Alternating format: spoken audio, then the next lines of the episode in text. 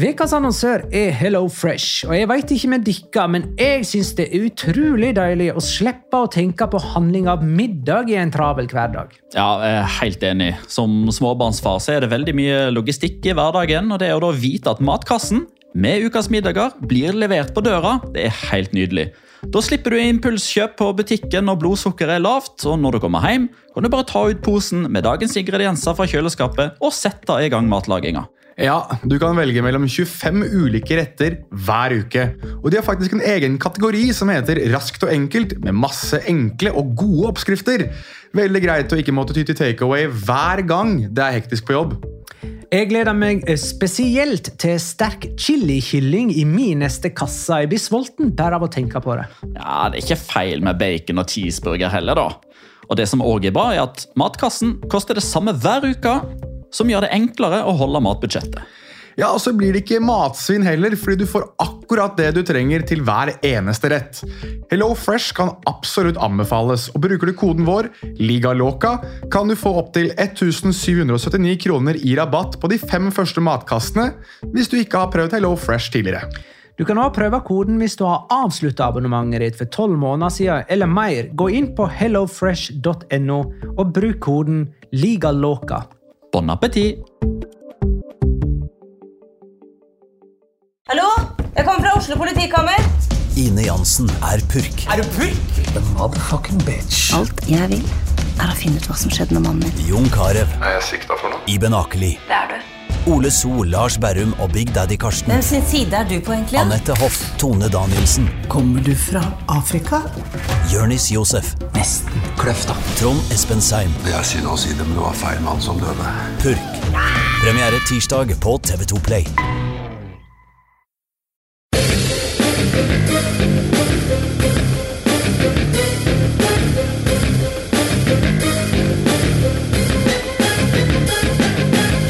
Har du sett? Denne veka starta jaggu La Liga på en ny sesong. Og vi trodde vi måtte sette opp et tabelltips uten å vite om Messi kom til å bli værende i Barcelona eller ei, men nå veit vi! Og dermed blir vårt tabelltips sannsynligvis 100% korrekt for tredje året på rad. La liga loca. En litt gærnere fotball. Ja, ja, ja. Dette er La Liga Loca episode 129 av det helt ordinære slaget. Men det er jo en slags sesongpreview åra, kan du si. Med meg, Magnar Kvalvik, hei. Og Jonas Giæver, hei. Ding, ding! Og Petter Velland, hei. Dong dong. Er det noen vi skal hilse til etter ei fuktig rute på byen i helga, Jonas? Eh, svaret er nei. Det er ingen som fortjener noen shoutouts denne gangen her. Da er det ingenting mer å melde. Nei, det er det ikke. Da går vi rett på sak. Episoden er i gang. Jo, det viser seg at eh, Lionel Messi blir værende i eh, Barcelona. Han eh, er visstnok på treningsfeltet til Barcelona akkurat nå! Klokka fem over seks mandag 7. september. Eh, Petter etterlyste jo forrige uke uttalelser fra Messi sjøl. nå har han gjort et intervju med Goal. Er du fornøyd, eller? Ja. Det er seint, eh, men jeg syns det var godt. Eh, Litt sånn eh, subtile stikk mot eh, ledelsen. Åpen og ærlig, forklarer om ting. Lette litt på det personlige sløret med at familien gråt osv. Jeg likte det intervjuet. Jeg syns det var fantastisk at det var Ruben Oria som omsider som journalist fikk sine fem sekunder i søkelyset, for han har jeg lytta mye til før. Ja, det der var faktisk litt fascinerende, at han tok dette intervjuet med Goal. Eh, Det var liksom- visstnok fordi de hadde eh, publisering i flest land, eh, har jeg hørt, at det er årsaken til at Goal ble valgt framfor f.eks. et argentinsk eller spansk medium, for da måtte de har gjort grovjobben sjøl med å oversette, og så kunne det blitt lost in translation. Det som var greia her, at Goal oversatte dette intervjuet på hvert fall 30 forskjellige språk. For å være sikker på at det ikke ble feilsitering osv. Men allikevel så gikk Fabrizio Romano i baret, men vi snakker ikke mer om det. Og så Hva for noe? Fabrizio Romano, han eh, transferguruen, jeg tror han skal holde seg til det framfor å sitere feil. Uh, oh, ja, ja, for, ta det. Ja, altså han uh, skrev jo to minutter før eh, intervjuet kom. De kildene hans, altså. Eh, så skrev jo han at Messi hadde sagt ordrett da 'Bartomeo is a disaster'. Eh, men det har han jo ikke sagt. Han har sagt at eh, den sportslige, de sportslige prosjektene har vært eh, en katastrofe. altså Mellom linjene så er det naturligvis kritikk av og mot Bartomeo, men han tok aldri ordet Bartomeo i sin munn. Here we go. Eh, og den eneste uttalte grunnen til Messi for at han blir i Barcelona, det er at han ikke vil havne i en disputt med klubben. Så, så veldig motivert for å bli i Barcelona virker han jo ikke. Nei, Han hevder jo selv at han har sagt hele året til Bartomeo at han har hatt lyst til å dra. Jeg, det er vel Jeg var litt på, på andre sida av Petter. Jeg syns intervjuet var veldig litegivende. Jeg synes ikke det var noe sånn nytt. Greit nok at han fikk sagt, satt ord på det selv, men jeg satt ikke med noen sånn nye åpenbaringer fra Messi sin del. Men det eneste som jeg satt igjen med, var det at uh, han hevder selv og har sagt gjennom hele året at dette er siste året mitt. At han har visst det hele det året der. Og jeg veit ikke om jeg kjøper det eller ikke. Det er litt det, da. Om det, om det er veldig beleilig for han å si, slik at det kan virke som han drar i affekt. I så fall så stiller jo jeg spørsmålet igjen. Eh, hvorfor har du ennå ikke bytta ut dine juridiske rådgivere? Eh, hvis de da eh, har vært klar over dette hele tida, men allikevel ikke da tatt høyde for at denne oi-klausulen kanskje var gått ut på dato. Hvis du har visst det hele året, så er det veldig rart at det kommer da, og at han også bruker det. Han brukte vel også La Liga som unnskyldning, at han hadde ikke levert inn eller sagt ifra Den offisielle burofaksen hadde ikke kommet fordi La Liga fortsatt var i gang. Men hvis du har spilt hele sesongen og visst at på slutten av året så skal du benytte av den, hvorfor har du ikke bare gjort det da? Jeg, ja, ok. Ja, da bare tatt en prat med den juridiske avdelinga i Barcelona. Det er bare sånn at vi har det på det rene, just in case. Denne fristen som nå er 10. juni, blir den utsatt med tanke på at akkurat nå så har vi ikke spilt fotball på to måneder? Vi skal ikke spille fotball på en måte heller. Hva skjer med den? Jeg bare lurer, fordi som det står i kontrakten, så er det et alternativ jeg har. Jeg lurer på om det alternativet fortsatt er til stede. Det er ikke verre enn det. Er det lov å si at hele den prosessen ble ganske messy? Jeg eh, prøver å fokusere for å gå videre. Jeg hadde et spørsmål. Jo, kan det være at dette rett og slett bare var en tom trussel, da? Og at budskapet hans nå faktisk har kommet fram og ut, og eh, legger press på Bartomeo? Altså Jeg vil jo tro at han hadde kontroll på denne klausulen og disse datoene. da. Jeg synes sånn i Hvis vi skal prøve å tenke litt i retrospekt her nå, og gå igjennom hele den her eh, sagaen som det har vært, så var vel en drøy to uker, så er det, det er første gangen jeg kanskje sier dette, men jeg tror Bartomeo vant. Han, jeg tror han vant i, i det store bildet her. for han, Bartomeo fikk jo vilja si, så sånn sett så vant han jo. Messi må jo bli. Det, sånn sett så vant han. Men jeg synes Lionel Messi har klart å virkelig ødelegge for seg selv sånn i, i, i forhold til hvordan han ser ut av. da. At eh, Han ser ut som han ikke har kontroll på sin egen situasjon. Han ser ikke ut som han har hatt kontroll gjennom hele. Han ser ut som han har hatt lyst til å dra i affekt. Han ser egentlig bare ut som en sånn sutrete, sutrete stjernespiller som ikke har fått vilja si, mer enn en som har lyst til å utfor, utforske verden, da, som liksom har vært det som har vært denne klausulens grunnlag tidligere for Xavi og Iniesta. Så jeg, jeg snakket om det sist gang, og snakket litt om det med kompiser og sånn, at det sånn ettermælemessig så lurer jeg veldig på hvordan Lionel Messi kommer til å stå etter karrieren sin med tanke på det her, for det kommer til å være den der lille haka ved siden av. Husker du den sommeren da Messi nesten gråt seg ut av Barcelona? Det er sånn som jeg Jeg, jeg i hvert fall tenker på at det, Cristiano Ronaldo fikk lov til å dra helt og holdent fra Real Madrid, da, og det var egentlig ikke noe sånn Greit nok, det var intriger mellom han og Perez, men det foregikk ganske greit. Mens Lionel Messi, som er den som sammenlignes med Cristiano Ronaldo, har hatt denne. Det er sånn som jeg syns er interessant. Det blir jo litt interessant da hvis eh, Bartomeos hva skal man kalle hans sin etterfølger, altså den som er tiltenkt å ta presidentrolla etter Bartomeo, taper presidentvalget, og det blir Victor Font, og man går tilbake til røttene i Barcelona, så vil jo Messi fort få æra for det. For at han har uttalt krit seg kritisk nå mot Bartomeo og satt et ganske tydelig ståstad, noe som kan vippe det valget i favør av Viktor Font og den retningen der.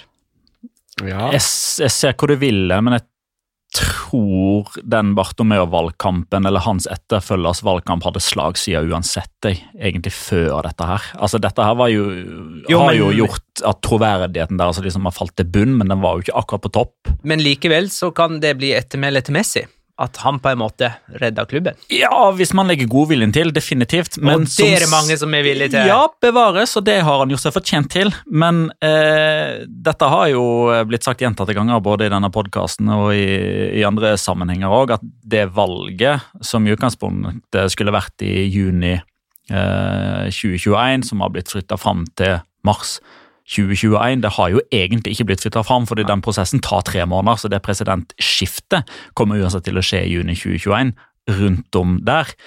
Og det, det hadde skjedd uansett. Altså det, Den framskyndinga i hermetegn av valget kom jo som en konsekvens av 2-8 mot Bayern. Ikke at Messi begynte å bry seg med fjærene. Messi forsøkte jo antageligvis, da, hvis vi skal, igjen skal støtte oss til den teorien som vi har hatt hele tida, han ville styrte Bartomeo og styre nå. Det klarte han ikke. Men hva tenker du, da? Sånn, altså, Ettermælemessig, sånn, hvis du bare tenker på det nå, da. Hvis du ser tilbake på Messi sin karriere altså, Greit nok, fotballspilleren er én ting. Rekorden hans er én ting. Men når du tenker på den statusen han har, da og den, Han var jo på en måte den spilleren som i lang, lang tid hadde Han hadde liksom ikke en, en eneste blemme på, på karrieren sin. altså Der mange hadde utenomsportslige ting og, og ting som foregikk privat osv. Altså Cristiano Ronaldo som har hatt disse voldtektsanklagene og alle de tingene der.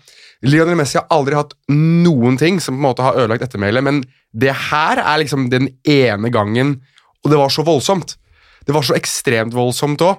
Det kan godt være for at det var Lionel Messi, for at man aldri hadde forestilt seg at det kom til å skje med ham, men måten det ble håndtert på av ham og de rundt ham, gjør at jeg tenker hm, når jeg skal fortelle om Lionel Messi til mine barnebarn da, om eh, mange herrens år, så må den historien her med, om at han hadde den ene gangen der han virkelig var ganske sånn Ja, men gra graden av det kan jo kanskje bli bestemt om et år, da.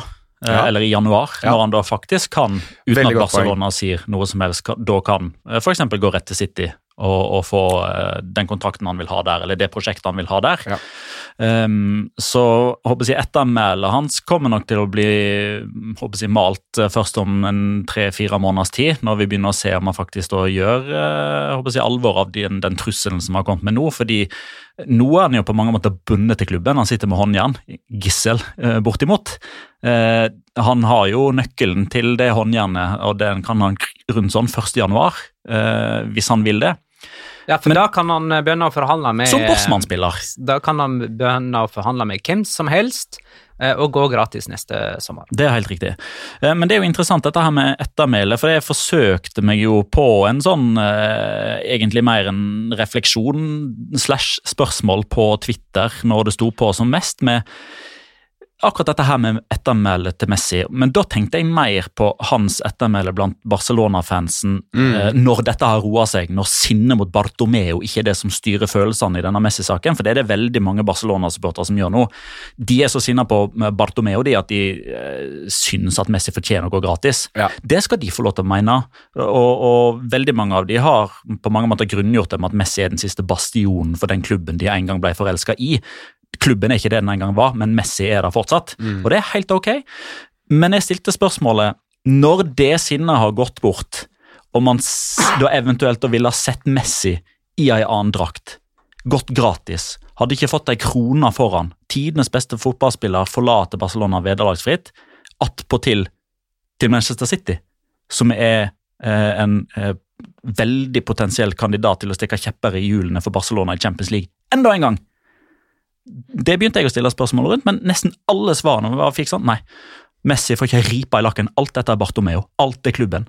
Mm. Så det, det er interessant det du trekker fram her nå. Ja, Ja. Han eh, blir en frelser igjen. Tror du det? Ja, ja, ja. Men har eh, i alle fall, eh, etter dette intervjuet og det faktum at Messi blir, det er jo ikke, som følge, det er ikke noe forsoning her. Det er jo liksom, det er som sagt bare det der med at han ikke vil gå til rettssak med Barcelona, og blir værende nesten sånn på tross. På trass. Ja, Ja, altså på, han har, det, ut ifra det intervjuet som han gjør med Goal, det er ingenting som tyder på uh, av det han sier, at han ønsker å bli værende eller spille for Barcelona.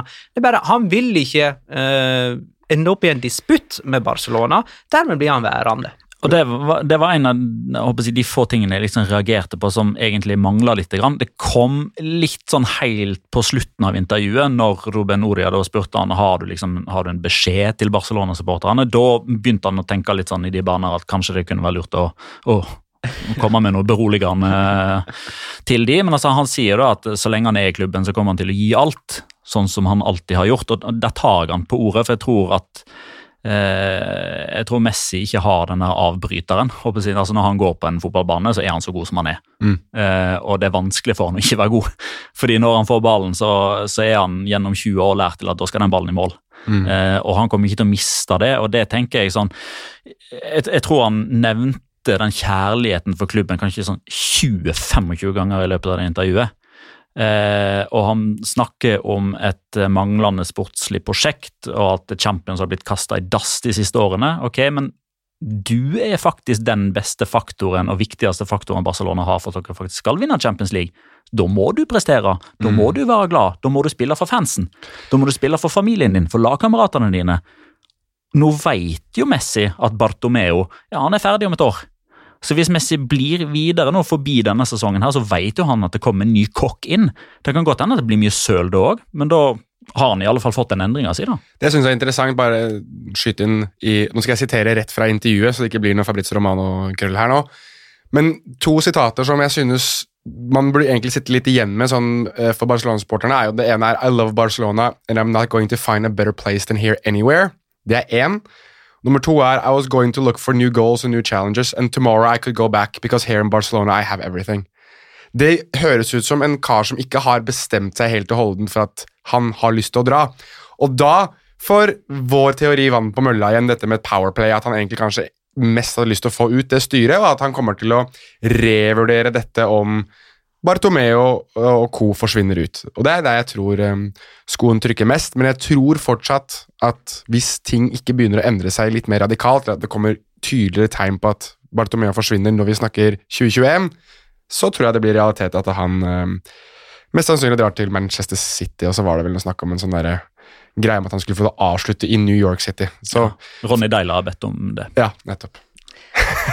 Men er den avgjørelsen en slags bekreftelse på at uh, den eneste grunnen til at Messi først ville reise, eller ga uttrykk for det, var av politiske årsaker og ikke sportslige? For Vi fikk jo spørsmål etter forrige episode fra jeg mener det var Frode Fotballfrosk. Som, eh, som, mente at vi bare snakka om eh, politiske motiv for Messi, ja. mens det ikke kunne, ikke kunne vi liksom ikke forestille oss at han kanskje så større sjanser til å vinne de store titlene i en annen klubb. Ja. Men altså, nå må vi jo ta Messi sine ord for god fisk. Og altså, Twitter, og internettet, fanger. Uh, og dere har sikkert sett det klippet sjøl òg, som kommer fra et år siden, eller litt altså før sesongstart i august 2019, der han er gjest på et katalansk jeg vet ikke om det er radioprogram eller TV-program. Eh, der han gir uttrykk for at den stallen de har, er mer enn god nok til å vinne Champions League. Og det er det som er målsettinga. Så når han da sitter i etterkant av å ønske seg bort fra klubben og har vært med på 2-8 mot Bayern München og første troféløse sesong på 11 år, da sitter og sier at vi har ikke hatt noen sportslig prosjekt eller noen sportslige ambisjoner. Det skurrer litt òg for min del. For ja. Da har han jo sagt i forkant av den sesongen at den stallen vi har nå, er god nok til å vinne Champions League. Jo, men så kom jo erklæringen hans etter at Suárez f.eks. hadde fått beskjed om at de ikke får lov til å fortsette, og Arturo Vidal, og så hadde de jo solgt Artur Melo til Nå blir Messi Juventus, sur på deg. For han sa i en intervju at han blir sur på de som mener at han nå bare er sint fordi Los Amigos de Leo ikke oh, får lov til å fortsette. Der ser du. Der ser du. Nei, men greit. Uh, da blir Messi værende i Barcelona. Uh, og Gareth Bale blir sikkert værende i Real Madrid. Fordi at de kommer sikkert til å blokkere en overgang han ønsker seg. Jamal Gullberg skriver til oss kan de kan snakke om Bale-intervjuet, hvor han ene og alene legger skyldig på klubben når det gjelder spilletid og blokkering av overganger.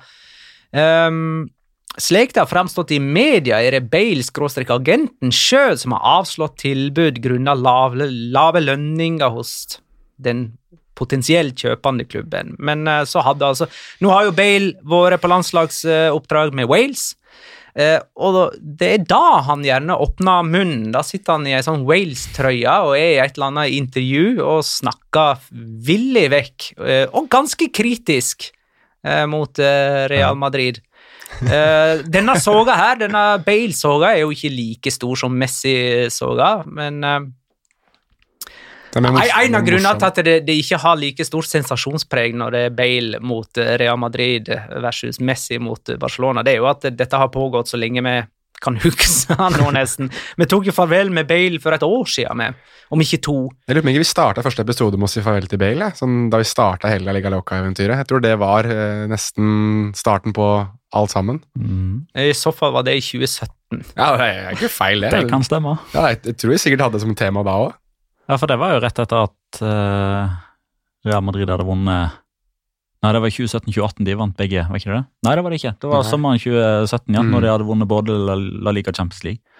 Jeg tror han var kobla til Manchester United den sommeren, og så hadde Stemmer vi det. den der deadline day-spesialen, og så kom startet vi etter det, med, og da var det vel kanskje Så jeg tipper sommeren 2018 var første gangen vi Eller sikkert inn mot det vintervinduet. Men kan Manchester United komme og redde både Gareth Bale og Real Madrid nå, eller?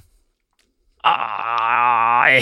Jeg tror, men jeg tror, eh, jeg tror ikke det, men jeg tror at Real Madrid nå virkelig kjenner på det at de, de skulle bare latt han gått til Kina, til eh, Ja, for det var de som blokkerte det. Det var, uh, Det var det som ja, som skrevet. At de hadde blitt enige med Gareth Bale om en lønning, men de ønsket ikke å betale en overgangssum til Real Madrid. Og da, da hadde han vel en kontrakt på tre, to, Han har år igjen. kontrakt til 2022.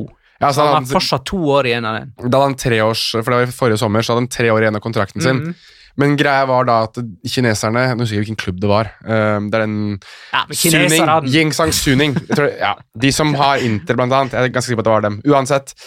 Nei, jeg- jeg- Det var jeg som tulla, altså. Ja, det skjønte vi. Hva du sa for noe? Yangsu Suning Ja. tror jeg var de som var på Gareth Bale, hvis jeg ikke husker helt feil. For det er de som eier eh, Inter også. Anyways. Um, så de ønsket jo å, å betale Gareth Bale oppsint mye penger, men de ønsket ikke å betale Real Madrid noe som helst. Og ettersom han hadde tre år igjen i kontrakten sin, så var det i hvert fall rapportert på det tidspunktet at de da ikke ønsket å la han gå gratis, de ville ha en symbolsk sum for ham. Det ville ikke denne kinesiske klubben betale, og dermed ble Bale værende igjen i Real Madrid. Det er det nærmeste han har kommet en overgang, i hvert fall rapportert. Ja, så var det vel også rapportert at årsaken til at Bale føler at Real Madrid har blokkert det, var at man fikk et inntrykk av at dette skulle la seg gjøre.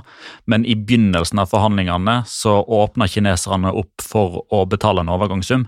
Men så var det noe i Enten så var det i forlengelsen av, eller så var det rett i forkant at eh, den kinesiske Jeg vet ikke om det var presidenten sjøl, eller om det var idrettsministeren, om de har det, men i alle fall en veldig sentral skikkelse i det kinesiske regimet som satte en eh, stopper for den pengeinnsprøytninga Ja, i kinesisk fotball. Enten så var det eh, antall utlendinger, eller så var det noe lønnstak, eller noe sånn, som gjorde, enten rett før eller rett etter, Ja, at denne det. kinesiske klubben Mm. da ikke lenger da ønsker å betale den symbolske summen som de hadde blitt enige med, Real- Madrid om.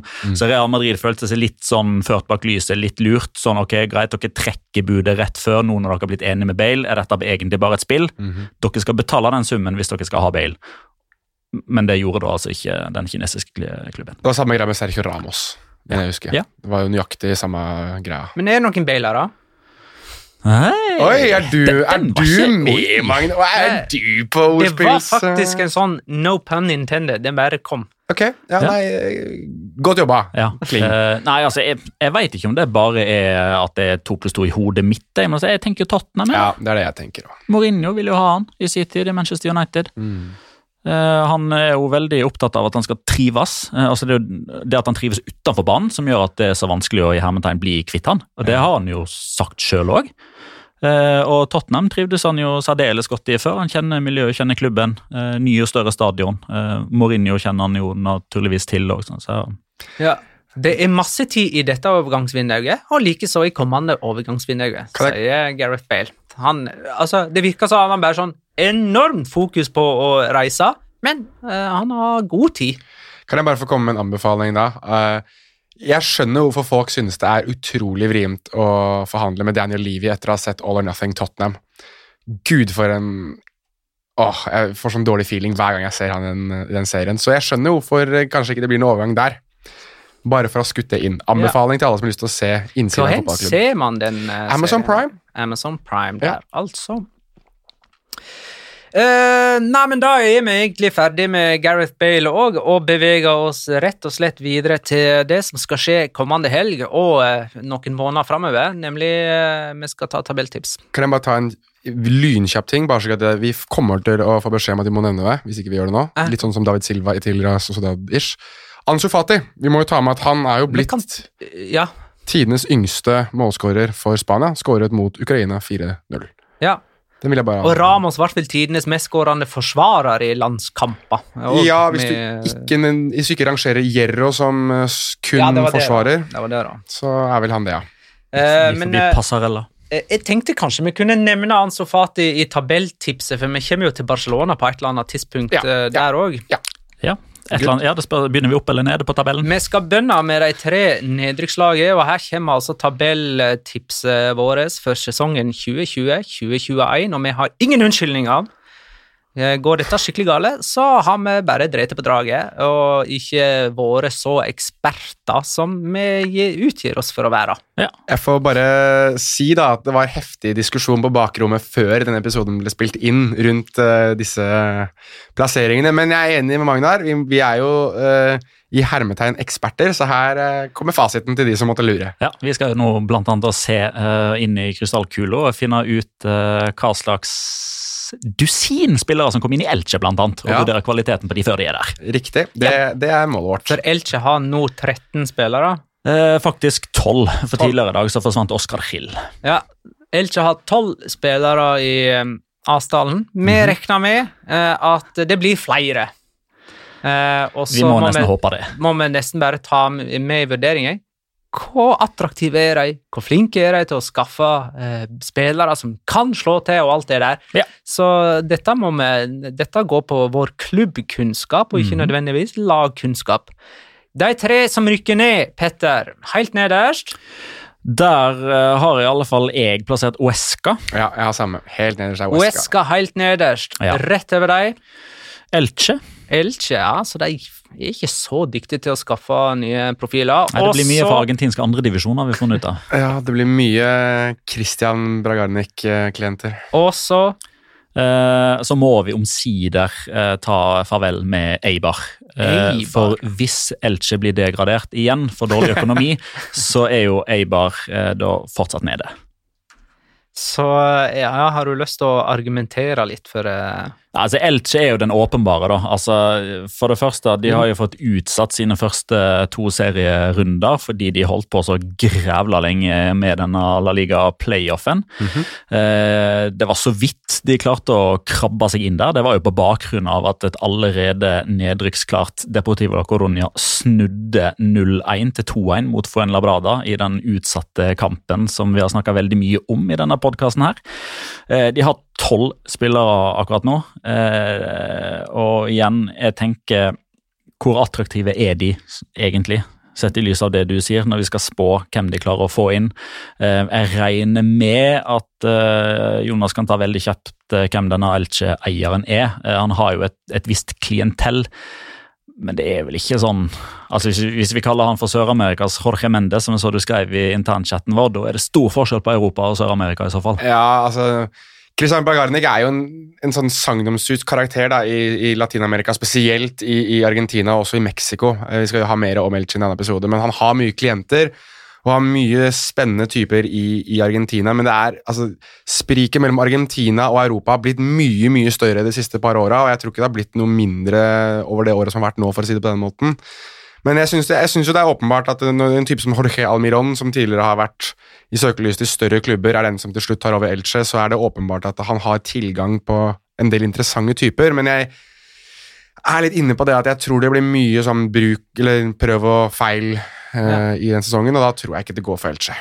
Elche med kasta ned. Uesca har vi altså satt helt uh, nederst. De var jo oppe for et par sesonger siden, og da var de vel ett av sju lag, var ikke det det, som var oppe i Primera for uh, første gang i sin uh, historie, og rykka rett ned. Mens de, De- andre laget hadde klart det sånn som Leganes og Eibar og Girona klarte seg vel én sesong.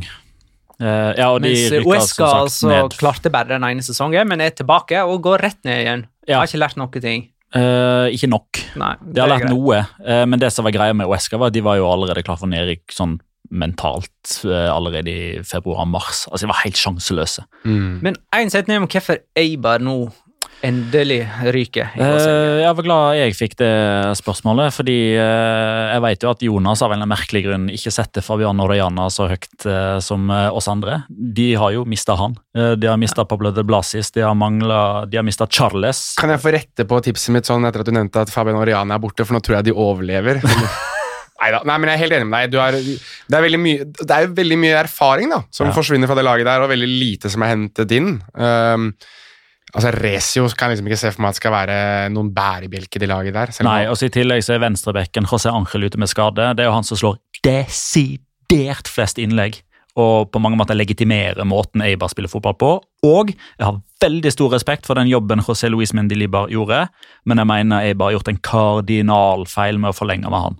For der han tærer sånn på de omgivelsene, og nå har han ikke Charles, han har ikke Pablo de Blasis, han har ikke Fabian Orellana, som alle er godt over 30 og rutinerte, som står i det og som på mange måter tar, tar litt av støyten for de andre spillerne som nå må opp i søkelyset og ta ansvar. Jeg tror det fort blir en sånn situasjon der eh, Mendeli bare kaster folk under bussen, og så klarer de ikke å reise seg igjen. Han eh, tok over i 2015, han, ikke sant? Han er den lengst eh, sittende bak Simione. Ja, så han, hvis han sitter nå, så har han seks sesonger. Hvis han sitter hele. Ja. Det er også verdt å skyte inn her ved at uh, Ivan Ramis har jo lagt opp, så de har jo en ny kaptein nå. Er det Sergi Enrich som til slutt ble kaptein der? er det ikke det? Ja, for han har jo vel vært der siden 2015, ja. Ja. Ok, de tre lagene som så vidt overlever. Nei, Cádiz eh, er jo òg rett og slett i form av å være om nyopprykka. Altså, Det er jo ikke alltid sånn at hvis du er nyopprykka, så er du en eh, dumpekandidat. Det er det jo ikke, men igjen så er det sånn Cádiz ja, de var tidvis imponerende, men det som kjennetegner de, er jo at de er så bunnsolide defensivt, og egentlig dørgende kjedelig å se på. Hadde det ikke vært for at de er fra der de er, og at de liksom har den historikken og auraen som de har, eh, så hadde ikke jeg vært noe glad for at de rykka opp. Eh, I mitt hode så blir Cádiz eh, denne sesongen svar på Leganes. Altså, de tar nok poeng på hjemmebane på Ramón de Caranza til at de akkurat holder hodet over vann. Vi går i fella og setter de tre nyopprykka lagene blant de fire nederste. Klassisk sånn her. Ingen skal overraske og skyte nedenfra og bare bykse opp på øvre halvdel, sånn som nesten Osasuna Girona. gjorde. Girona Granada. Granada gjorde. Mm. Granada var det jeg skulle fram til. Ingen Granada i år heller, ifølge vårt tabelltips. Nei, men dette er jo Jo, jeg har Granada på 15.-plass, så blant de tre som så vidt overlever. Var det Men de er morsom nå, eller? Nummer, nummer 16. Hvem er det du har? Hvem er det som Valladolid. Valladolid.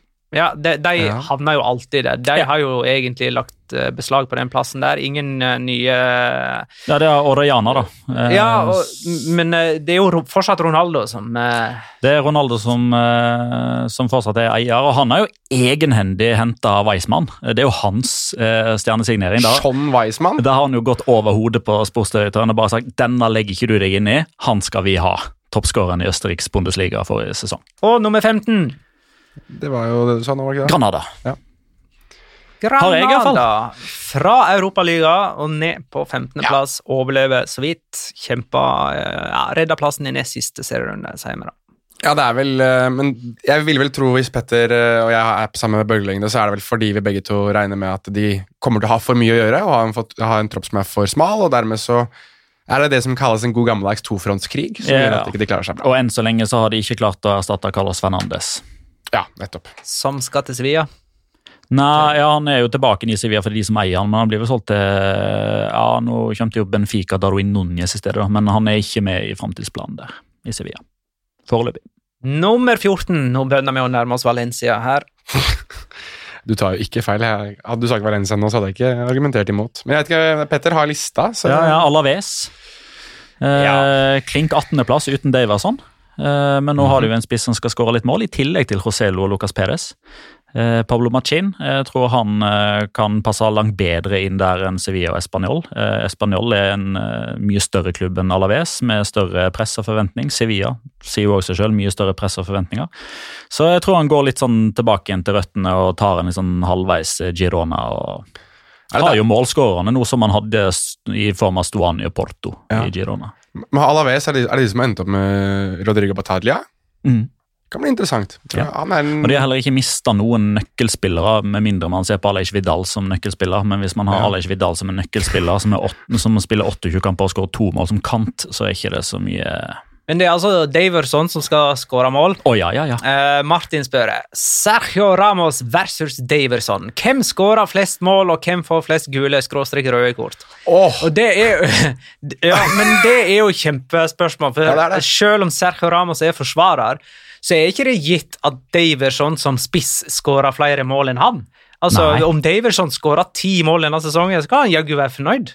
Så hvem skårer flest mål av Sergio Ramos og Daverson? Nei, jeg tror jo Sergio Ramos skårer flere mål, for han skal jo ta straffer kommende sesong òg. Det blir det jo tenkte, en, en del av de som en naturlig konsekvens, og han er jo eh, en av de farligste på offensiv dødball. Eh, og altså, selv om jeg digger Daverson, han eh, nikker han tosifra, da, da blir jeg imponert. Ok, så Men bare sånn til det sagt, da. Ramos skårer flere. Ja, ja. Eh, han får eh, nok flere gule òg. Ramos Men, får flere gule. men begge kommer til å havne på over 70 hvis du ganger de to sifrene, Ja, Ti ganger sju, liksom. for eksempel. Mm. 70. Det, det er greit. Eh, men hvem får flest eh, røde kort? Det blir Daverson. ja, jeg skulle til å si Davidson. Ja. Jeg er med på, med på. En, en, en Sånn liten for- sånn eh, pannekos. Ja, litt av sånn Liten pannacotta. eller, en, eller en sånn veldig hard Blir taklet hardt, reiser seg opp og dytter den andre og får et kort. Ja. Det er sånn type Davidson Og så skjønner han ingenting! Ingenting! Nei, nei. Ok, da er vi kommet til 13. plass, og nå nærmer vi oss Villarreal. Eh, ja, geografisk så er vi ikke så langt unna. Levante. Har du Levante der, da? Ja, Levante der. Ja, ok. Ja. Nei, jeg er ikke, jeg er ikke uenig. Men jeg merker at jeg tar veldig regi nå. Nei, men Det er bra at du gjør det. for at jeg kan, Hvis jeg er veldig uenig i noe, så skal jeg hylle det ut. Ja. Men, eh, men ja, for at de plassene her nå er sånn Jeg gjetter på at du har Osasona som neste lag. Nei, Oh, ja. Ok. det har jeg ikke. Ja, Da kan jeg begynne å argumentere snart. Ja. Eh, Valencia har jeg der. Valencia er på 12. Ja.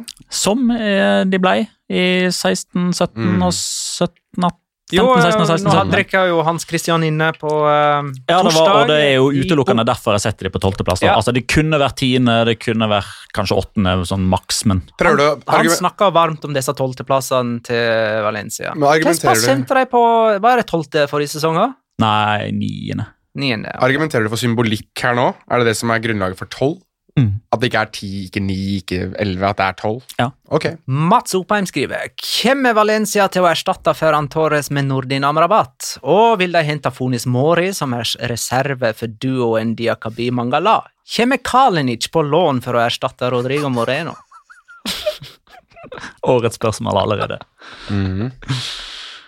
Eh, nei, vet du hva? Hvis de, hvis de klarer det, da Oi. Men Nei, det jeg er, klarer ikke å er si jo det er jo på det nivået handelen deres ligger nå Ja, men det er å, det er, her er det jo verdt å skyte inn da, at eh, jeg ville tro at Valencia i hvert fall skal ha om du kan kalle det forsterkninger, vet jeg ikke, men det er et av de lagene som jeg, jeg tror kommer til å ha mye lånespillere mot slutten av vinduet. Det er et av de lagene jeg har på blinka meg ut. og Alle jeg har snakket med om Javi Gracia, sier jo det at han er en type som liker det litt mer sånn, at han kan hente Gjøre, gjøre gull av gråstein. da. Slå kan- litt nedenfra, rett og slett. Nettopp! At dette passer han bedre enn en det å skulle være en storklubb. da. Så, og strengt tatt, Det Valencia holder på med nå, er jo så langt fra storklubbnivå som du får det. Så dette her passer jo han sikkert som hånd i hanske i så fall. Men jeg er ikke uenig i tolvteplassen hvis vi går for symbolikk. fordi at det, er rundt der jeg vil ha Altså, Fra 9 til 13 kunne ja, Ja, ikke sant? Valencia Altså, overalt Valencia der. ble med. ni forrige sesong. De hadde bare fire poeng mer enn Levante, som var nummer tolv. Nei, men jeg, Og nå er det liksom Ja, vi har snakka mye om det, men altså den sportslige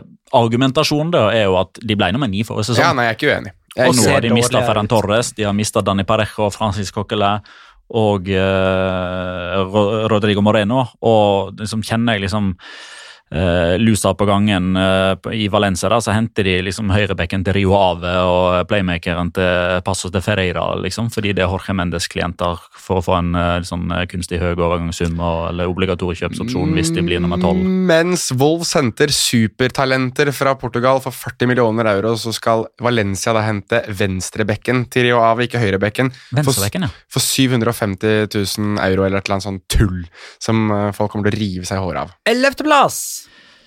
Og Sasona. Og Sassona. Greit, jeg er med deg på den, men har, Chimi Avila med fra start. Mhm. Og det tror, jeg, det tror jeg kommer til å ha veldig mye å si.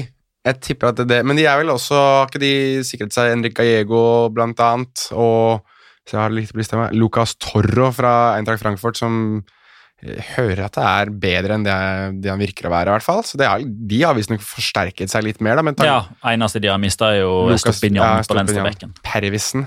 Ja, men han var jo også litt sånn Han var bra, men han, han var sånn som var enten ekstremt bra eller ekstremt ræva. Ja. Så Nei, jeg syns den det gir mening, og så synes jeg at uh, Arrasate får veldig lite kred, egentlig, for den jobben han gjør. Jeg syns det er mektig imponerende, det Osasona-laget Stabiliserte seg, etablerte seg som et ligalag ordentlig i fjor, og kommer nok til å Ja, fortsette. stabiliserte. Hadde liksom en god sånn her comeback-sesong, men stabiliserte seg Jeg synes det virket som et stabilt lag i La Liga. Altså, De spilte som et stabilt lag. Det var jo ikke Jeg Jo, det tenkte at dette er lag som rykker sesong, ned. men uh, at han har etablert det i La Liga Men etter en ellevteplass nå, så har han gjort det. Ja, ja, det kan vi si.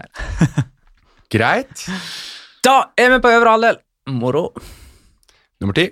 Ja, Hva har du? Atletic. Klubb. Det er Ja. Eh, for, for Petter er atletikklubb eh, snork. Eh, for Roger Isaksen derimot, det er klubben i hans hjerte. Hva er status for atletikk, skriver han. Snakker gjerne litt om hvilket talent som er på vei opp. Altså, Status for atletikk er nøyaktig det samme som for et år siden, med unntak av at Adoris har lagt opp.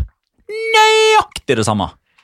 Han, ok, De har mista Benjato og Michael San José, han red inn i Sansetten. Eh, Ja, men, tok den? den? Ja, jeg tok den. eh, Tror du han? Eh, Roger Isaksen skriver videre det kan vel ikke være mange klubber som er drifta like godt som deg, og da følgelig klarer covid-19-krisa like bra. Nei, De har sinnssykt med penger på bok, de, men det er fordi Ja. de kjøper jo ikke spillere. De kan jo ikke kjøpe Jo, de kan. eh, rundt omkring. eh, Det er svært begrensa. Men Javi Martinez er nå linka, i alle fall. Han kan vekke meg litt fra dvalen. Det kan han, men samtidig så er det jo sånn altså, Han er jo eh, er det 32, 33, 34 nå. La oss være, være helt ærlige her. Jeg tror ikke signeringen av Javi Martinez kommer med en sånn der explicit-stempel nede for at her er det porno. Spesielt ikke den alderen han er i nå. Greit Nei. nok at det er en fin, fin type og en lederskikkelse og en som på en måte har vært verden rundt og gjort alt han som gjøres kan i Tyskland og vunnet eh, Bundesliga, Champions League og det som er, men jeg kan liksom ikke forestille meg at nå, nå skal Atletic opp, fordi Javi Martinez er tilbake. Jeg kan liksom ikke Jeg, jeg, jeg er litt for streng med Atletic sånn generelt. da. Altså, det er På bakgrunn av det Du synes de er dritkjedelige? dritkjedelig? På overgangsmarkedet så er de drita kjedelige. Ja. det og, du, og du er jo på Altså, du, du lever jo for overgangsvinduet når, når, når det er oppe, i hvert fall. Ja, meg og Magna syns det er kjempegøy. Men, eh, Ja, men du- de har du vet jo meg, jeg er ja, ja, ja. Ja, ja, ja. Men de har jo en fantastisk ungdomsavdeling. Ja. Eh, det må du jo ha på bakgrunn av den policyen de har. Og der er det jo knytta en viss spenning til eh, de spillerne som er plukka opp fra B-laget nå, som har vært på utlån litt eh, diverse. Altså Ørjan Sandseth, som du Mm. eh, tok et ordspill på. Eh, skal jo i utgangspunktet være en sånn fullverdig integrert medlem av Arsdalen nå. Eh, John Morsillo så kjempegod ut i treningskampen mot Eibar eh, tidligere eh, forrige uke. Eh, Inigo Vicente har jo blitt eh, den nye drakt nummer sju, og bare det i seg sjøl bør jo antyde at han i alle fall har litt, litt å fare med på dette nivået. Og så Unai Vencedor, som da blir uh, stilt uh, store forventninger En slags vinner, han altså. Han er en ja. Um, Men jeg kan- men jeg- jeg skal bare legge til at uh, Javi Martinez ble 32 forrige uke, Ja. ja 88-modell, ja. så han har tre gode år igjen. ja. Jeg vil også skyte inn Han spilte jo en del i fjor, da, men jeg, jeg liker Asier Via Livre. Det er et eller annet der som jeg synes- Buffaloen. Liker Buffaloen. Det er noe ordentlig spennende med han, altså. Så det, det, det gror godt, da, kan vi si. Hvis vi skal gi uh, vår venn her et ordentlig godt svar, så er det jo det at det ser spennende ut. Vencedor og Sanset har jeg store forventninger til. De gleder jeg meg til å se etablere seg. Niendeplass. Retafe. Retafe. Som uh, høres skuffende ut, men som er en stor seier for de. Dette er siste reis med gutta for uh, Bordalas, tror jeg. Ja. Jeg tror ikke han er med en sesong til etter det her. Om han overlever Eh, sesongen her. Basken skriver Hva tror jeg med om eh, Getaffes eh, foryngring? Eh, angripere som Kutsjå og Unal. Eh, det er eneste Unal, sant? Ja. Mm, er jo eh, henta inn da. Har Bordalas det i seg at, å foryngre denne troppen? Altså, det Bordalas har blitt tufta på, er jo gamle gutters kynisme. Jeg vet ikke, men jeg, jeg tenker jo at Jorge Molina ut og Cucho slash NS Onal inn er en forsterkning, da. Den tid Jorge Molina er nærmere 40 enn han er 30. Så jeg vil jo tro at det i hvert fall i angrepsleddet så har du foryngret deg bare ved å gjøre det. Um, og så er det vel er det nå, er det først nå de har virkelig kjøpt Marco Correa, er det ikke det? Ja, nå er han eh, 100% deres. Ja, det er ikke noe sånn med tull der nå? Mister de jo Matias Oliveira til eh, Atletico Madrid. Det gjør de, ja. Stemmer. Som bør, ja, Det er sikkert det som blir den overgangen som blir bekrefta rett etter vi er ferdig i studio nå. da. Veldig godt. Ja. Ja. nei, jeg eh, Ja, nei, jeg eh, ja, Nummer ni, helt greit for meg. Jeg kan liksom ikke se for meg at det er noe sånn Kjempespennende der. Vi er på nummer åtte. Der kommer det eh, kanskje noe som kan klassifiseres som en liten overraskelse, i hvert fall hvis man ser på tabellen de siste to sesongene. Jeg er blåøyd og naiv igjen jeg, på Celta Vigo sine vegne. Ja, de er veldig høyt i år eh, Ja. på tabelltipset vårt. Ja, Det ja, ja, ja, ja. Er det, men er det, er det satt nå at Var ikke Rafinha koblet vekk nå? Var ikke han koblet uh, Å, faen, han er jo ikke der lenger. Han er er tilbake i Herregud, Barcelona. Ja, altså, de har mista han, så det er jo én ting. Herregud. Drakk nummer tolv er nå overtatt av Emre Moore. Han får sitt gjennombrudd. For nå tar han, okay, nå tar han, plass, ja, nå tar han plassen til Bjørne Sisto, skjønner du. Det gjør han. Eh, men jeg kom på det at de, har jo, de var jo ganske tidlig ute med to overganger. Renato Tapia, som, jeg, som er en sånn grøftearbeider som jeg tror kan bli viktig i et sånt Celta-lag som kanskje skal slå litt nedenfra, og som åpenbart gjør det fordi de konstant ligger og vaker der nede med nedrykk hele tiden. Og Alvaro Vadillo var en sånn impact-player for Granada i fjor. Som kan komme inn og kanskje endre kampbilder. Og det var jo det var noe av det Celta virkelig manglet i fjor. En som kunne komme inn og gjøre noe litt sånn ekstravagant. Og der har jo Vadio Altså Hvis du tenker 38 kamper, da, så i 6-7 av dem så kan han endre kampbildet ved, å- ved å bare komme inn og være en live wire, som de sier på engelsk. Um, så jeg, jeg, ja, jeg kjøper den litt. Jeg kjøper den litt. Ti plasser opp, da, fra 17. Jeg bare ser på de de, de har mista, da. Men altså, tror Ja, ta det først. Jason Morillo, uh, Rafinha og Fjodor Smolov. Det er tunge navn, Jo, men, men ingen av de har fungert. Jo, sånn men jeg optimalt. tror eh, de jobber med å få Morillo til å tilbake. Ja, de har et håp om Rafinha òg. Jeg syns Rafinha var kjempegod. Det er det største tapet Ja, okay. i, i mine øyne. Rafinha, greit. Jeg var ikke over- overbevist av Morillo, Men- og, Fjo- og Fjodor Smolov hadde vel mer med å gjøre med å dra til Russland. Men tror du på denne åtteplassen basert på at Oscar Garcia sitter hele sesongen? Det gjør jeg. Jeg tipper han får sparken etter to måneder, og så får han en skikkelig boost etterpå. Franes Gerba, Eh, nei. Lotina. Det kommer en eh, Lotina?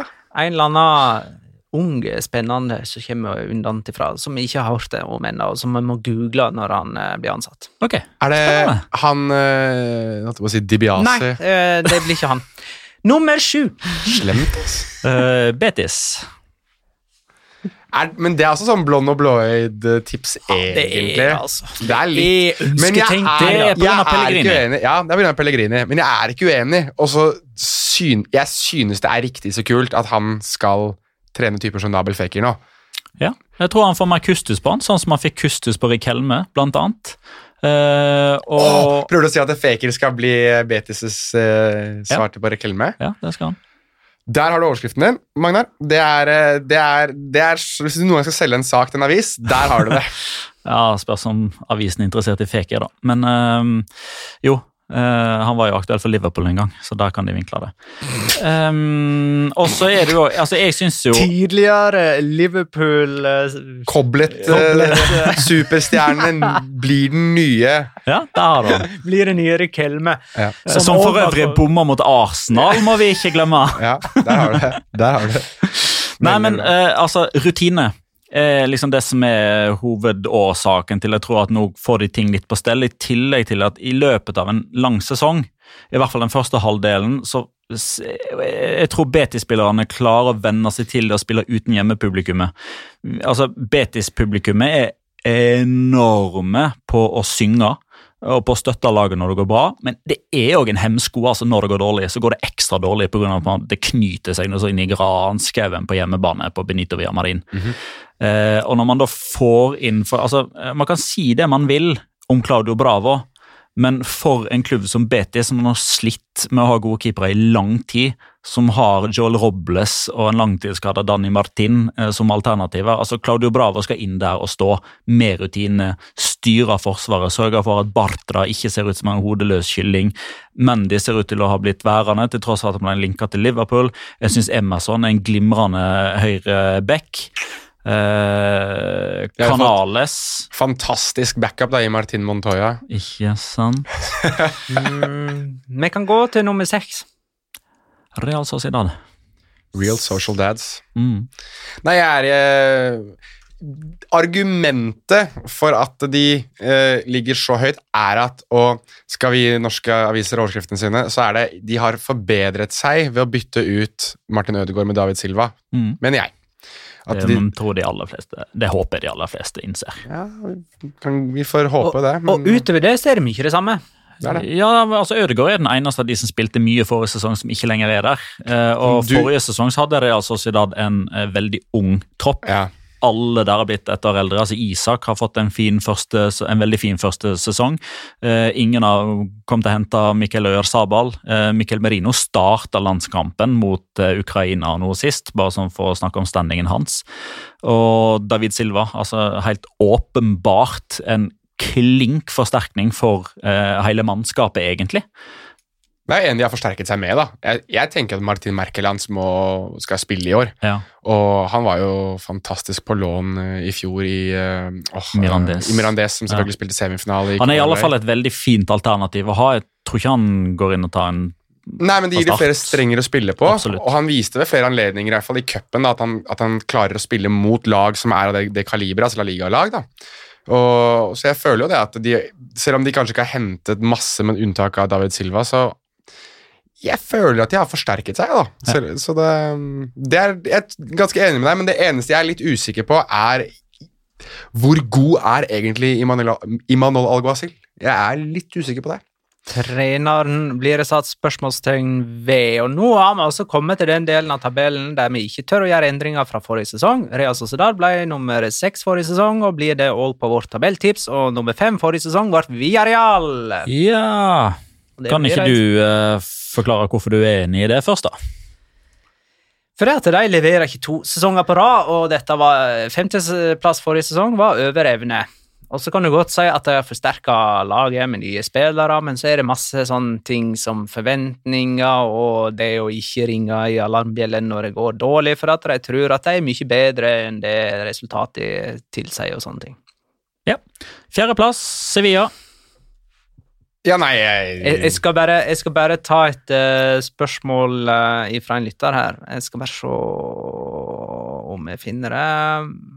Jo, Taff! Hvem er heiteste kandidater til sesongens overraskelse i La Liga? Jeg har en god følelse på Takefusa Kobo. Overraskelsen var jo god i fjor òg, da. Men uh, ja, nei Men han øh, spilte ikke sånn Det tok litt tid før han fikk lov til å bli varm i Mallorca-trøya forrige sesong. Skal vi legge Nå, eh, nå går han vel rett inn og herjer fra start. skal vi legge huet på blokka da, og ta én spiller hver som vi tenker at Som ikke er fra de store lagene som vi tror at kommer til å ha en helt fabelaktig sesong, da? Skal vi ta én hver? Én fra hver. En profil som ikke spiller for Real Madrid, Atletico Madrid eller Barcelona. Sier Oscar Rodriguez er da i Sevilla. Ja, Petter? Ja, Det er årsaken til fjerdeplassen, blant annet. Ja, og det at Sevilla ble nummer fire forrige sesong, og vi bare setter det opp sånn som det så ut da. Ja. Eh, jeg tror eh, Manuel Pellegrini får eh, fart på Diego Leines. Oi, den er spennende! Den er spennende. Jeg tror at eh, en refreshed og motivert Chimi Avila kommer til å skåre bøttevis med trodde mål. du skulle si Messi. Ja, han er eh, veldig motivert. Men Villarreal på femte, altså. Sevilla på fjerde. Ja. ja. Kvante sprang egentlig fra fjerde til femteplassen. Ser egentlig ut som at det er liksom At det er ganske stor avstand At det er ganske stor avstand der. Jeg tror det skal veldig mye til for at Villarreal blander seg inn i topp fire. Tror du det? Ja, Det er Sånn som det var forrige sesong. Det var ti poeng mellom eh, fjerde- og femteplass forrige sesong. Og Jeg tror det kan bli ganske jevnt, jeg. Faktisk. Ja, jeg håper du har rett sånn for spenninga sin del. Ikke, Eh, ikke for at du er realsporter sin del. Nei, det snakker vi ikke om. Nei, det trenger vi ikke. Men når det, når, det, når det gjenstår en måned av overgangsmarkedet, så Mhm. er det vel faktisk i Sevilla det virkelig kan skje ting. Både ut og inn. Det er jo fordi det er Monchi, da. Men jeg er helt enig Ja. med deg. Jo, men kan, kan det egentlig det? jeg Jeg syns egentlig dette virker som at den sesongen, den sommeren der de endelig skal få litt kontinuitet. men jeg føler Du sa en ting nå siste episode som jeg har tenkt veldig mye over den uka som har vært nå, eh, inn mot denne episoden her. Og det var den hvem skal erstatte Ever Banega. Og jo mer jeg ser den derre Ivan Rak... Nå er han jo signert, åpenbart. Han, var, Ivan Rakitic er signert. han ble jo signert, Ja. eller ble offisielt rett etter Vik av sist gang. Men jo mer jeg tenker på han som Ever Banega-erstatteren, jo mer tenker jeg at det er så riktig. Det er akkurat den spilleren som kan gå inn og gjøre det Ever Banega gjorde for dette Sevilla-laget i en årrekke. Så det er, altså, det er så perfekt. Så, egentlig så perfekt som du får det. Um, så jeg, Bortimot gratis i tillegg. Bortimot gratis i tillegg. Så jeg er sånn det, det tror jeg fort kan bli en sånn Hvis du skal gå tilbake etter denne sesongen her, en av, en av sesongens signeringer, da. Sånn eh, erstatningsmessig. Og da syns jeg vi må gjøre en liten endring eh, på tabellen sammenlignet med hvordan det slutta forrige sesong. Så eh, bare sånn for syns skyld. Tredjeplass. Den får du ta. Jeg, jeg er Barcelona. Barcelona på tredje. Der, er Barcelona på der, tredjeplass. der kommer vårt dristige tips. Sammen med Celta. Ja, det, Barcelona Ja. og Celta er de Ja. dristige tipsene våre. Petter uh, dytter meg framfor uh, hylekoret da, og det er helt Jeg greit. tar en Mendeliber og dytter deg under bussen. Ja, nei, men det er helt greit. Jeg uh, føler at Barcelona altså, Vi må nesten anse at de kommer til å miste Luis Suárez. Det må vi nesten bare gjøre. Og Erstatteren ser ikke ut til å bli Lautaro Martinez, så noen kommer til å bli eier av en ny fotballdrakt uh, når vi starter, eller etter overgangsvinduet er stengt. Ja, det var, den, var en, den er det noen som etterlyste. Ja, jeg så det. Jeg bare skyter inn at det, kom, jeg, det kommer noen, uh, noen parametere for den drakta. Uh, det skal jeg si. Men anyways. jeg tror ikke at de har forsterket seg nok til å egentlig hevde seg i så høyt i toppen som de kanskje ønsker. Jeg er usikker på hvor motivert Lionel Messi kommer til å være. Han sier han skal gi alt, og det må man nesten tro på.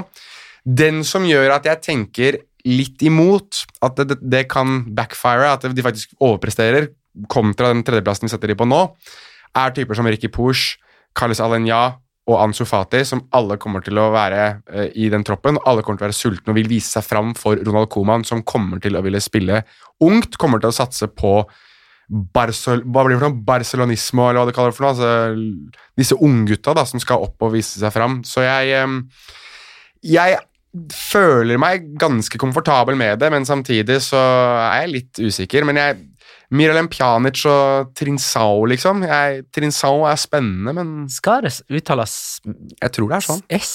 Kan ikke, Mats, kan, kan ikke Mats Skar rette meg på det i så fall, da? Jeg Skal ikke det være en liten flipp under C-en hvis det er en S Ja. framfor en A? Er det Trincao, da? Trincao, Ja. jeg, altså. Men ok. Nei, det høres ut som det, Jeg går for Trincao. Det høres riktig ut. Ja, eh, Håkon vil jo at vi skal snakke om ryktene rundt midtbanespillere som Tiago, eh, Wijnaldum, Memphis Depay blir linka. Noen lurer på om eh, Ronald Koeman skal nederlandifisere eh, Barcelona, sånn som de ble gjort eh, sånn ca. for 20 år siden, der de hadde bøttevis med nederlendere Det var under mange, eh, det. van Gaal.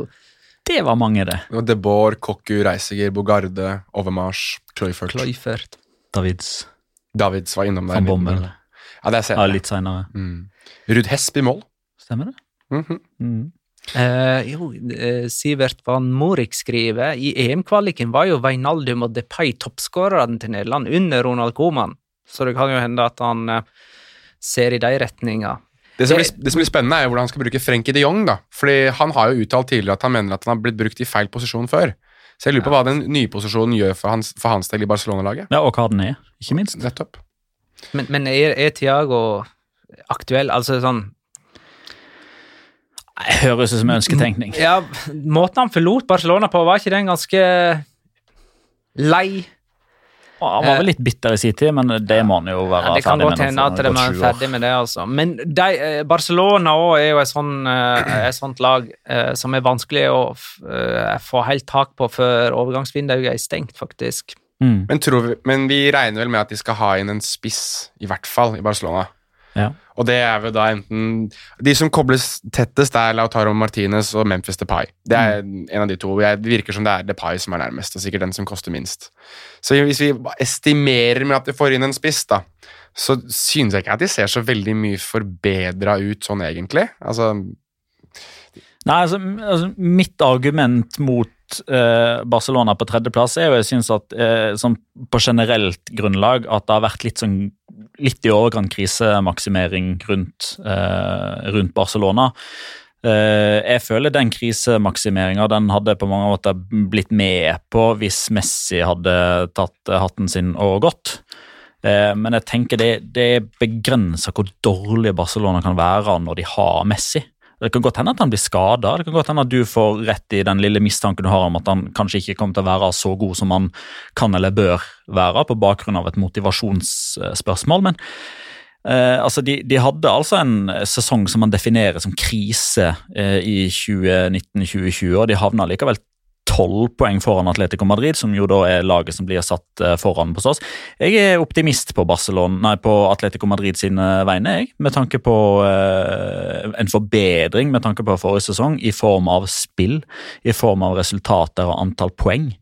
Men jeg tror fortsatt ikke det er nok til å ta andreplassen. Men jeg føyer meg for flertallet. Jeg står for Barcelona på tredjeplassen sjøl, da. Atletico havna på andreplass, altså. Og nå har du egentlig argumentert litt for det, selv om det var imot den andreplassen, da. De må jo bli morsommere. Det er alt det, Nei, det skal ikke mye til. Det er nettopp det, da. Men, de har ikke gjort, men det, jeg liker jo litt det at ikke de har gjort så mye på overgangsvindu. For jeg syns at de har hatt så mye spennende der lenge. At, det, at de, Hvis de klarer å forvalte det på en bedre måte, og at Draw Felix ikke skader seg så mye da, som han gjorde i fjor Og så er det da Thomas LeMar, da. Man, man vet at det bor en, en fantastisk god fotballspiller der, men kommer det noen gang til å bli, bli sett, da? Han har jeg helt glemt. Ja, jeg, du, jeg, n- når du nevner Thomas LeMar kom på i forbindelse med um, TAF sitt spørsmål heter kandidater til sesong, sesongens overraskelse. Osman Dembélé han har jeg lyst til å føye inn der. Han kan bli en overraskelse fordi at vi har avskrevet han. Godt poeng. Godt poeng. Det, Godt og, det, og det kan være ja, Vi nevnte ikke han engang i Barcelona-diskusjonen. Nei, godt poeng, men det kan være Nei, ikke også Coutinho heller. faktisk. Som er de to man går og venter på. Der, der er det potensielle overraskelser i Barcelona. Men uh, vi har altså plassert Barcelona på tredje, Atletico Madrid på andre, og dermed Real Madrid på første. Noah Pettersen eh, spør jeg, er det bare meg som sitter med en følelse av at Assad kommer til å bli en skuffelse i år òg? Igjen, jeg har sagt at det kommer an på hvor mye burger og pommes frites han spiser. Vi har snakka om eh, Eden Asaad, og det er jo meningen at eh, han skal liksom framstå som en forsterkning for eh, Real Madrid. Vi er ferdig med Gareth Bale. Og så har Rodrigo og Venicius blitt et år eldre, skal vi si det, selv om det er bare et par måneder siden sist de spilte. Det jeg er veldig spent på, er om Karim Benzema klarer å levere like bra. Godt spørsmål. Eh, for han òg er blitt et år eldre, men i feil, i feil retning. Altså på feil side av idealalderen. Eh, jeg tror fortsatt han kommer til å være bra, men kommer han til å være så bra? Kommer han til å klare å ta like mye ansvar? Det er jeg litt usikker på. Altså, jeg ville bare ha det protokollført eh, at jeg husker tilbake igjen til sommeren 2017. Da var det òg liksom krisestemning i Barcelona, fordi Neymar. Neymar, hadde forsvunnet, og Ernesto Valverde skulle overta. Det var liksom, Fikk de ikke noe bedre enn det etter at Luis Henrique takka for seg.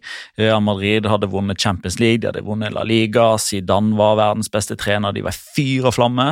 Hva skjedde? Barcelona vant serien med ti poeng. Og egentlig mer enn det òg. Hvis du skal bruke det som argument, så er det jo én seriemester her, og det er Valencia. ja, hvis uh, mørket utenfor banen uh, gjenspeiles i lyset på banen. Nettopp. Ja. Det, det er, de, er bare, de blir ikke bare seriemestere, de vinner Champions League uten å delta i turneringen. Det, så bra er det for Valencia sin del. Men jeg vil bare, bare også få sagt om Real Madrid at uh, en klubb som selger spillere for nærmere 60 millioner euro, 50-60 millioner euro, og egentlig ikke ser noe verre ut, er imponerende, altså. Det er bare klubbdrift, altså. Og Det de- de har holdt på med de siste årene, med å hente ungt og ja. De skal kanskje ha ut Sergio Regilon også, til f.eks. Manchester United for 25 millioner euro. Jeg syns det virker ja. som Borja Majoral får de fort 10-15 for. Ja, han kommer så til Valencia, blant annet. Det kan jo forestille meg at det, det her er jo den sommeren Real Madrid selger, og så er det neste sommer. Hvis Karim Benzema ikke fungerer, og Luka Jovic er fortsatt like ræva, så er det en eller annen eh, brautebass som fort kan være høyt på, på ønskelista der. Da er, det vel, da er det vel en overgangs- eller en utkjøpsklausul som også er aktivert, tror jeg. Og ingenting av det vi sa i Ødegård-spesialen i juli, har vel endra seg. Nei. Så vi kan jo vise til det for de som lurer på hva vi tror om Ødegårds rolle i Real Madrid. Mhm. Ja, og han, der er jo, har man jo sett mye treningsbilder nå. Han ser jo i god shape ut, da, men jeg syns fortsatt den der kneet er Det er en varselstegn der, altså. Eh, vi har kommet til den delen av eh, året der vi skal tippe på kamper. Ja Og vi er tilbake der, ja. Mm. Jonas, du er jo en taper fra forrige sesong, Det er jeg. og sesongen Sesongen for der nå. Du skylder jo oss en halv maraton pluss en straff vi ikke har fått avgjort enda fra forrige sesong. Kan jeg få Det er, du skal skyte inn at du kan ikke springe halvmaraton pga. en hamstring. Nei, men jeg har vært i, har vært i kiropraktor ja, ja. og funnet ut hva som ser ut til å være problemet. Kan kiropraktor egentlig hjelpe noe særlig? Jeg fant jeg fant ut at, jeg har et muskelproblem på den ene sida mi, på- Ok. så det er mulig at jeg må trene den opp, for jeg kan løpe lengre distanser. Kan hende at Holder du på. må gå halvmaraton, da. Du kan Det ta en kappgangvariant. Eh, Ja, men Jonas, du skal få lov til å begynne med å tippe resultat og første målskårer på Valencia Levante søndag klokka 21. 05 eller noe sånt. Nei, nei. 05. Nei, nei, nei, nei, nei, nei, nei, nei. Eh, jeg, jeg, Jeg tipper den første målskåreren i den kampen tilhører ikke klubben ennå. Oi, ja vel. Jeg, jeg, jeg går for 1-0, jeg, faktisk. Jeg 1-0 heimseier. Ja. Så må jeg bare tenker, hvem som spiller i Valencia nå. Jeg husker ikke knappen som er på det laget lenger. Ja, Maxi Gomez, da. Ja. Jeg eh, tenkte det kom. Jeg eh, sier 2-1 til Valencia, Maxi Gomez. Jeg sier eh, 1-1, uh, og den som skårer målet, er jo El Comandante José Luis Morales. Sånn. As per. Da er vi i mål. Tusen takk for at du lytta, kjære lytter. Ha det, da.